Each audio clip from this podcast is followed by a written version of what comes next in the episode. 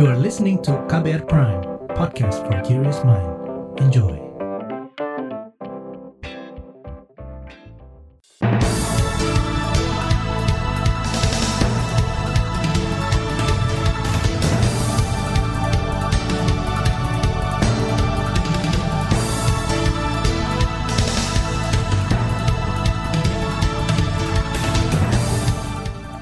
Selamat pagi saudara, senang sekali bisa menjumpai Anda kembali melalui program Buletin Pagi edisi Selasa 11 Oktober 2022. Saya Malika.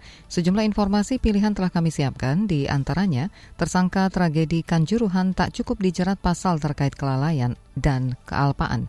Pengadilan akan segera menunjuk hakim untuk mengadili tersangka pembunuhan Brigadir Joshua. Gubernur dan Wakil Gubernur Yogyakarta diminta jaga inflasi. Inilah Buletin Pagi selengkapnya terbaru di Buletin Pagi. Saudara tim penyidik Polri hari ini akan kembali memanggil dan meminta keterangan enam tersangka tragedi Kanjuruhan. Polri bersikeras mengenakan sangkaan pelanggaran pasal 359 dan 360 KUHP terhadap para tersangka. Selain itu, menurut juru bicara Polri, Dedi Prasetyo, tersangka juga disebut melanggar pasal 103 ayat 1 Undang-Undang Keolahragaan.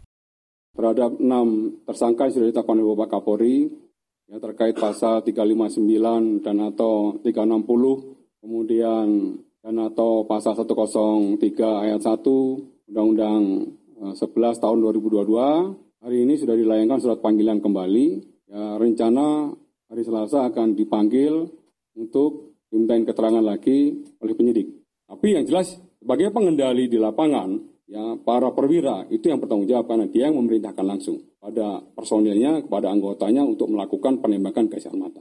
Itu tadi juru bicara Polri, Dedi Prasetyo. Saudara pasal 359 dan 360 KUHP yang dimaksud Dedi terkait kelalaian atau kealpaan yang menyebabkan kematian orang lain. Ancaman hukumannya pidana penjara paling lama 5 tahun atau pidana kurungan paling lama 1 tahun. Sedangkan pasal 103 ayat 1 Undang-Undang Keolahragaan terkait penyelenggara kejuaraan olahraga yang tidak memenuhi persyarat persyaratan keselamatan dan keamanan, ancaman pidananya paling lama dua tahun penjara dan atau denda paling banyak satu miliar rupiah.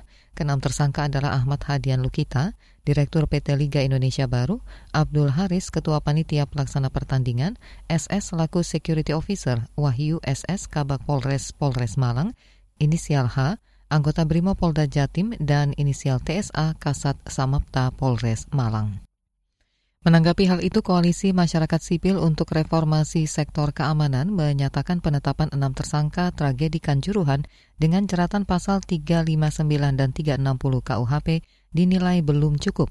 Anggota Koalisi Masyarakat Sipil untuk Reformasi Sektor Keamanan Daniel Siagian mengatakan para tersangka dimungkinkan dijerat pasal 8 Undang-Undang Pengadilan HAM Ancaman hukumannya pidana mati atau pidana penjara seumur hidup atau pidana penjara paling lama 25 tahun dan paling singkat 10 tahun.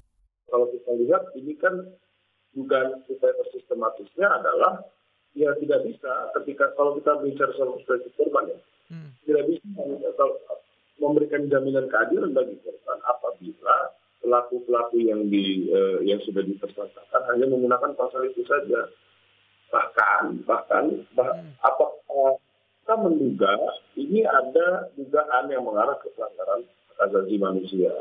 Koordinator Lembaga Bantuan Hukum Pos Malang Daniel Siagian menambahkan, tragedi Kanjuruhan bukan tindak pidana biasa karena penggunaan gas air mata menyebabkan kepanikan yang berujung pada banyaknya Aremania meninggal dan luka-luka. Sementara itu kalangan pakar menyatakan, tersangka tragedi Kanjuruhan seharusnya dijerat pasal 338 KUHP terkait penghilangan nyawa seseorang dengan sengaja. Ancaman hukumannya kurungan penjara maksimal 15 tahun. Menurut pakar hukum pidana dari Universitas Islam Indonesia Muzakir, penembakan gas air mata di area tertutup bisa menjadi faktor kemungkinan yang membuat orang mati akibat unsur kesengajaan. Dalam kasus ini, menurut pendapat saya, kalau itu tidak bisa 359, bisa dinaikkan pada namanya pasal 338 dengan konstruksi kesengajaannya dalam bentuk kesengajaan sebagai kemungkinan. Nah, saya berpendapat bahwa e, kalau itu benar e, tindakan mereka adalah menembakkan gas air mata dalam suasana tertutup dengan keramaian seperti itu dan pintunya juga tertutup bisa dikualifikasi sebagai melakukan pembunuhan dengan catatan kesengajaan sebagai kemungkinan. Pakar hukum pidana dari, Universitas Islam Indonesia Muzakir menambahkan penggunaan gas air mata berpotensi mematikan jika dilakukan di ruang tertutup. Saudara terkait penggunaan gas air mata, Polri mengakui gas air mata yang digunakan saat peristiwa kanjuruhan sudah kedaluarsa. Meski begitu, Polri mengklaim gas air mata yang telah kedaluarsa tidak berbahaya karena kadar zat kimianya justru semakin menurun. Polri juga mengklaim tidak ada korban tewas dalam kejadian tersebut akibat gas air mata. Juru bicara Mabes Polri Dedi Prasetyo kemarin mengatakan korban meninggal akibat berdesakan dan kekurangan oksigen. Anggota tim gabungan independen pencari fakta TGIPF tragedi Kanjuruhan Renald Kasali menduga ada pihak yang memiliki kekuatan sehingga mampu mengatur acara pertandingan Arema versus Persebaya dilaksanakan malam hari. Padahal menurut Renald, polisi sudah menghimbau pertandingan dimajukan pelaksanaannya. Jadi kami juga mempertanyakan mengapa ada seperti ini. Ada indikasi-indikasi, ya misalnya kenapa jadinya malam itu juga. Kemungkinan besar di situ ada pihak tertentu yang mempunyai kekuatan untuk mengatur tetap menjadi malam hari. Uh, saya belum bisa polisi gitu, kita belum bisa sebutkan, walaupun saudara-saudara sudah bisa mencium. Meski sudah menyampaikan dugaan tersebut ke Komisi Kepolisian Nasional Kompolnas, anggota TGIPF Renald Kasali memaklumi Kompolnas tidak bisa melakukan investigasi. Kompolnas hanya bertugas untuk kepentingan pengawasan polisi.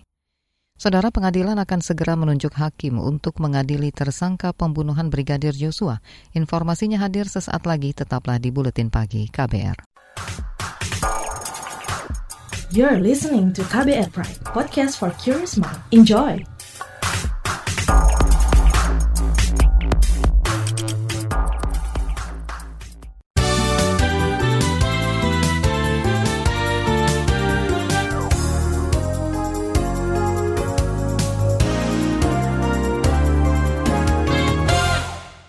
Presiden Joko Widodo memerintahkan Kepala Lembaga Kebijakan Pengadaan Barang Jasa Pemerintah LKPP Hendrar Prihadi mendukung penggunaan produk dalam negeri P3DN.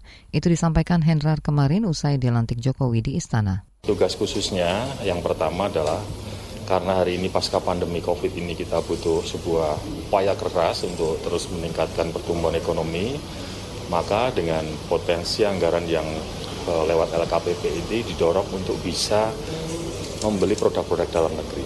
Maka turunannya ada turunan untuk e-katalog, kemudian pembuatan P3DN di pemerintah daerah untuk mempercepat proses perizinan maupun supportingnya. Kepala LKPP Hendrar Prihadi berjanji akan terus mendorong produk lokal khususnya produk UMKM untuk masuk dalam e-katalog.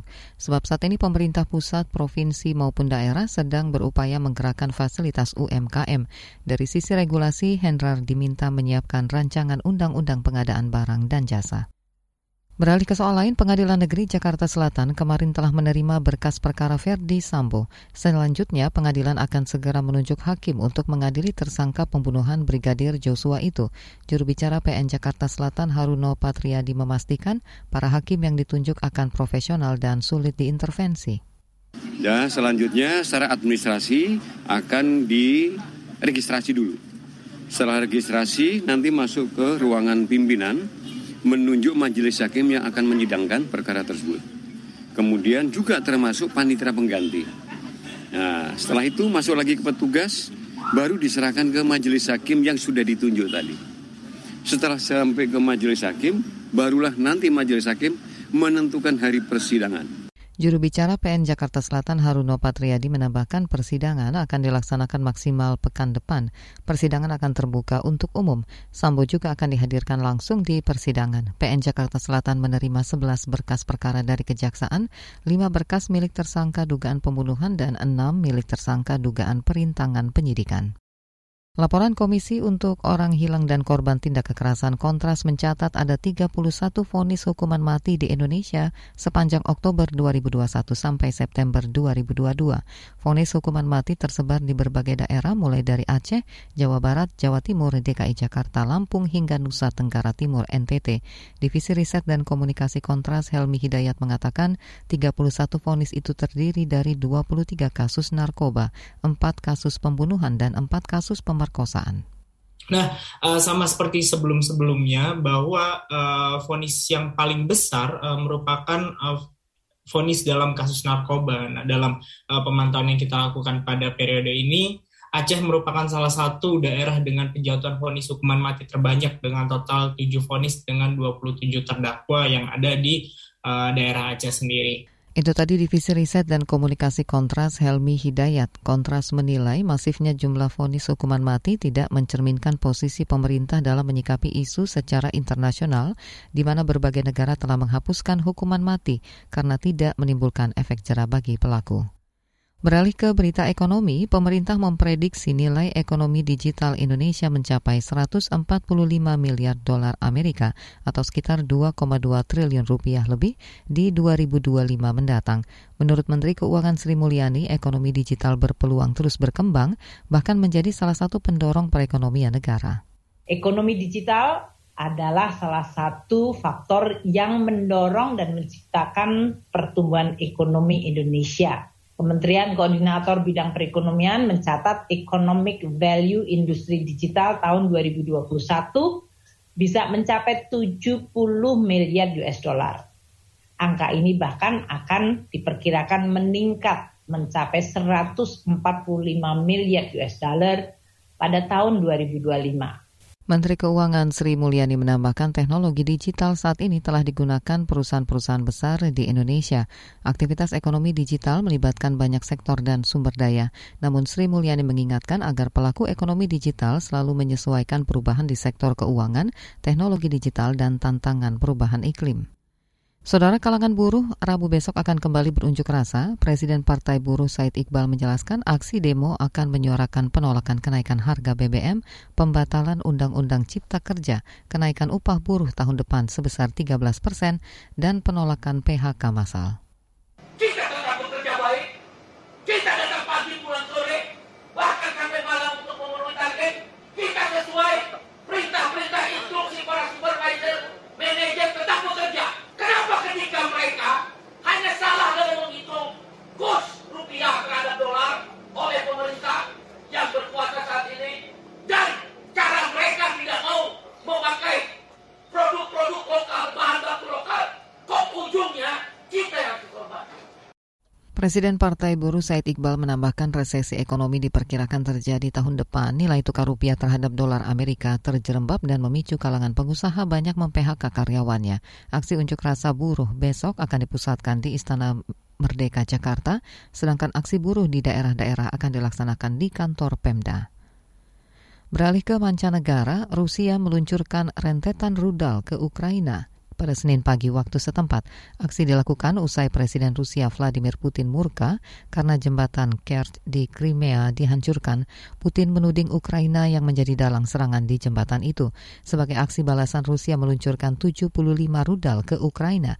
Dikutip dari Reuters, Kepala Komando Angkatan Bersenjata Ukraina, Valeri Zaluzny mengklaim pasukannya telah menghalau 41 rudal yang diluncurkan Rusia, namun rudal yang gagal dicegat menghancurkan ibu kota Ukraina Kiev.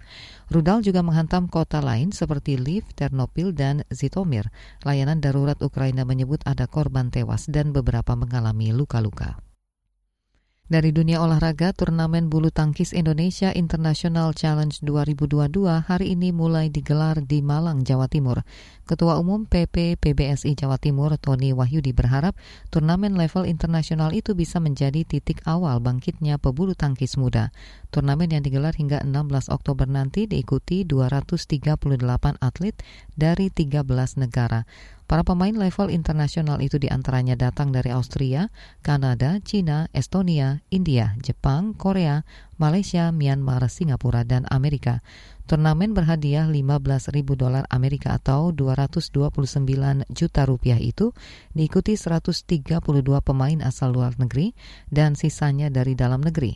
Dari luar negeri misalnya ada Wang Hong yang asal Cina, Goh Jin Wei dari Malaysia, Sim Yujin asal Korea. Sedangkan di kubu Indonesia ada Iksan Leonardo Immanuel Rumbai, Putri Kusuma Wardani, Ripka Sugiarto, dan lain sebagainya. Di bagian berikutnya kami hadirkan laporan khas KBR bertajuk Hadapi Cuaca Ekstrim, Minimalkan Korban. Simak usai jeda, tetaplah di Buletin Pagi KBR. You're listening to KBR Pride, podcast for curious mind. Enjoy!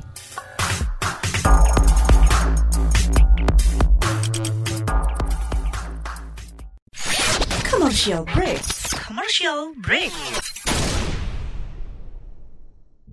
Anda sering gelisah, tidak bisa tidur nyenyak, selalu merasa ada yang merasuki pikiran Anda. Ini bukan iklan horor atau cerita seram, tapi kalau Anda mengalami hal seperti itu, Anda pasti ketinggalan berita terupdate yang lagi ramai diperbincangkan. Gak mau kan dibilang ketinggalan berita?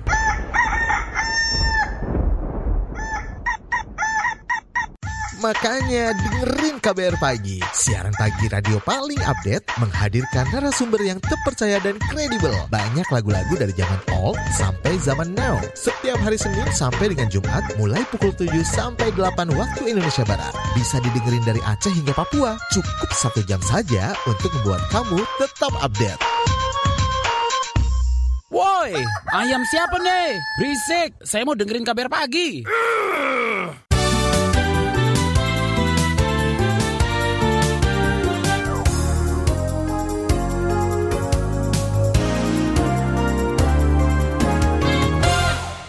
Masih bersama kami di Buletin Pagi KBR. Indonesia sudah memasuki musim penghujan yang diperkirakan mengalami puncaknya pada Desember sampai Januari mendatang.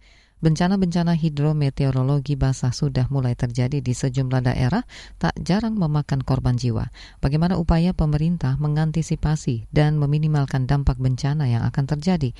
Simak laporan khas KBR disusun Astri Yuwanasari. Saudara, sebagian besar wilayah Indonesia akan mengalami cuaca ekstrim dalam kurun waktu sepekan ke depan. Itu sebab Badan Meteorologi, Klimatologi, dan Geofisika atau BMKG meminta masyarakat waspada.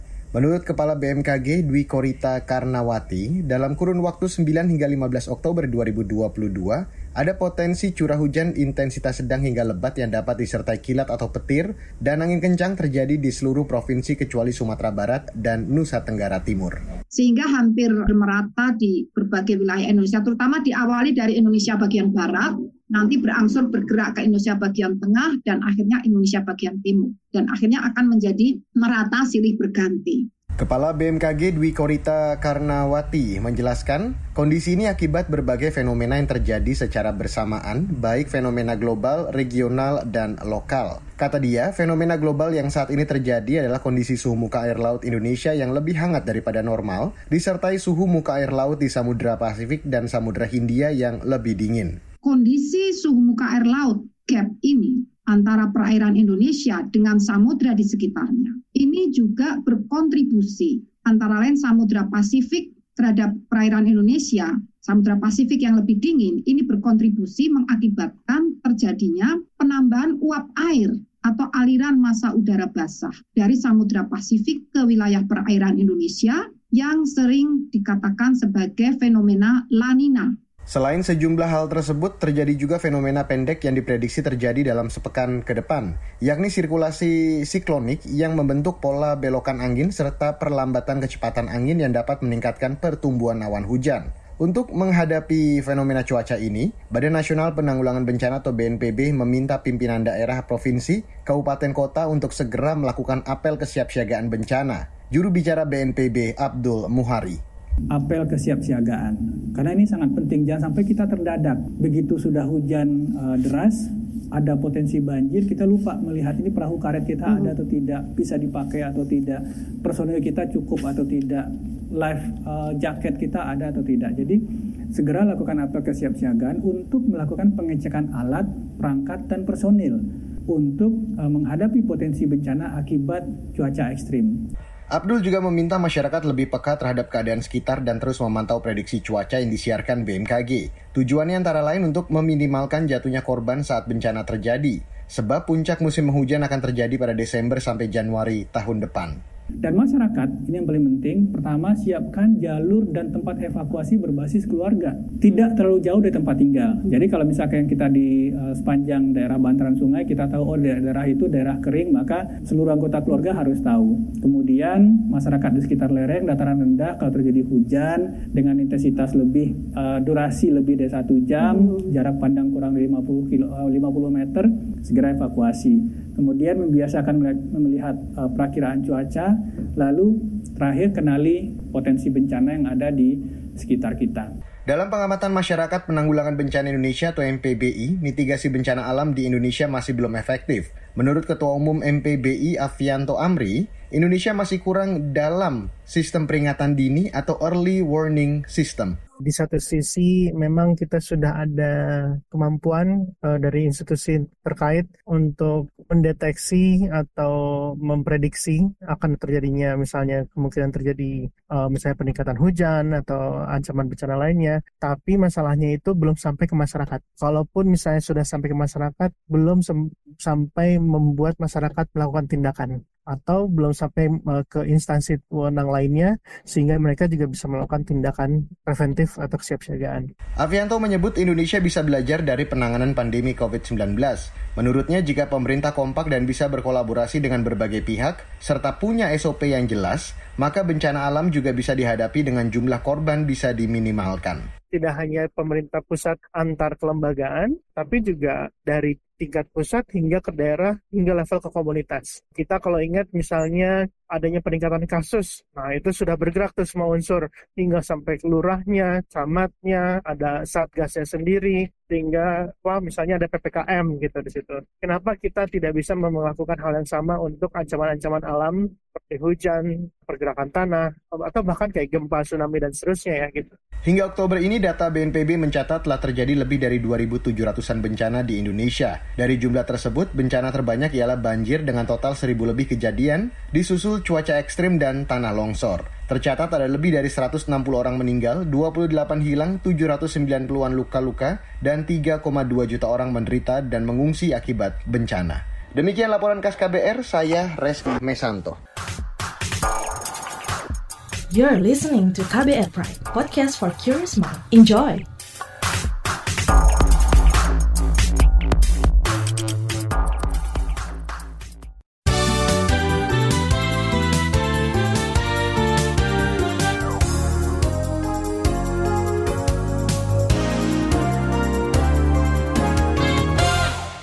Inilah bagian akhir buletin pagi KBR. Saudara Presiden Joko Widodo meminta Gubernur Daerah Istimewa Yogyakarta Sri Sultan Hamengkubuwono ke-10 dan Wakil Gubernur Yogyakarta Kanjeng Gusti Pangeran Adipati Aryo Paku Alam ke-10 menjaga stabilitas harga pangan dan inflasi. Jokowi menyampaikan hal itu kemarin usai melantik keduanya sebagai Gubernur dan Wakil Gubernur Yogyakarta masa jabatan 2022-2027 di Istana Negara, Jakarta. Bekerja kembali yang paling penting saya tadi titip kepada beliau untuk urusan yang berkaitan dengan harga pangan dan inflasi supaya menjadikan fokus perhatian. Presiden Jokowi menambahkan persoalan terkait harga pangan dan inflasi adalah dua persoalan yang menjadi tantangan global dan momok bagi setiap negara. Saudara sekitar 8.000 pelajar di Kabupaten Aceh Utara kemarin diliburkan akibat banjir. Kepala Dinas Pendidikan dan Kebudayaan Aceh Utara Jamaludin mengatakan lebih dari 40 sekolah terendam banjir setinggi 1 hingga 2 meter. Sebagian besar murid dan guru di daerah itu kini berada di pengungsian. Kondisi sekolah uh, yang tergenang banjir uh, terjadi kerusakan di uh, setiap ruang ruang ruang kelas ya ruang ke, ruang kelas ruang perpustakaan kemudian uh, di ruang lab dan di ruang penunjang lainnya Kepala Dinas Pendidikan dan Kebudayaan Aceh Utara Jamaludin menambahkan banjir telah merusak lebih dari 390 kelas, kantor, dan ruang sekolah lain. Atas kerusakan tersebut, kerugian material ditaksir sebesar 52 miliar rupiah. Banjir juga telah melanda Kabupaten Aceh Utara sejak pekan lalu, lebih dari 40 ribu jiwa mengungsi. Polda Papua Barat mengidentifikasi otak penyerangan yang menewaskan empat pekerja proyek Jalan Trans Papua Barat sebagai Manfred Fatem. Juru bicara Polda Papua Barat Adam Erwindi menjelaskan kepolisian pekan lalu sudah menerbitkan daftar pencarian orang DPO terhadap Manfred Fatem dan 11 tersangka lain. Adam Erwindi menambahkan 11 DPO lain kasus penyerangan pekerja proyek Jalan Trans Papua rute Kabupaten Teluk Bintuni ke Maibrat juga sudah teridentifikasi. Dua di antaranya masih berusia 15 tahun. Penyerangan pekerja proyek Jalan Trans Papua Barat terjadi 29 September mengakibatkan empat pekerja tewas. Informasi tadi menutup jumpa kita di Buletin Pagi hari ini. Pantau juga informasi terbaru melalui kabar baru, situs kbr.id, Twitter kami di akun @beritaKBR, serta podcast di alamat kbrprime.id. Saya Malika bersama tim yang bertugas undur diri. Salam.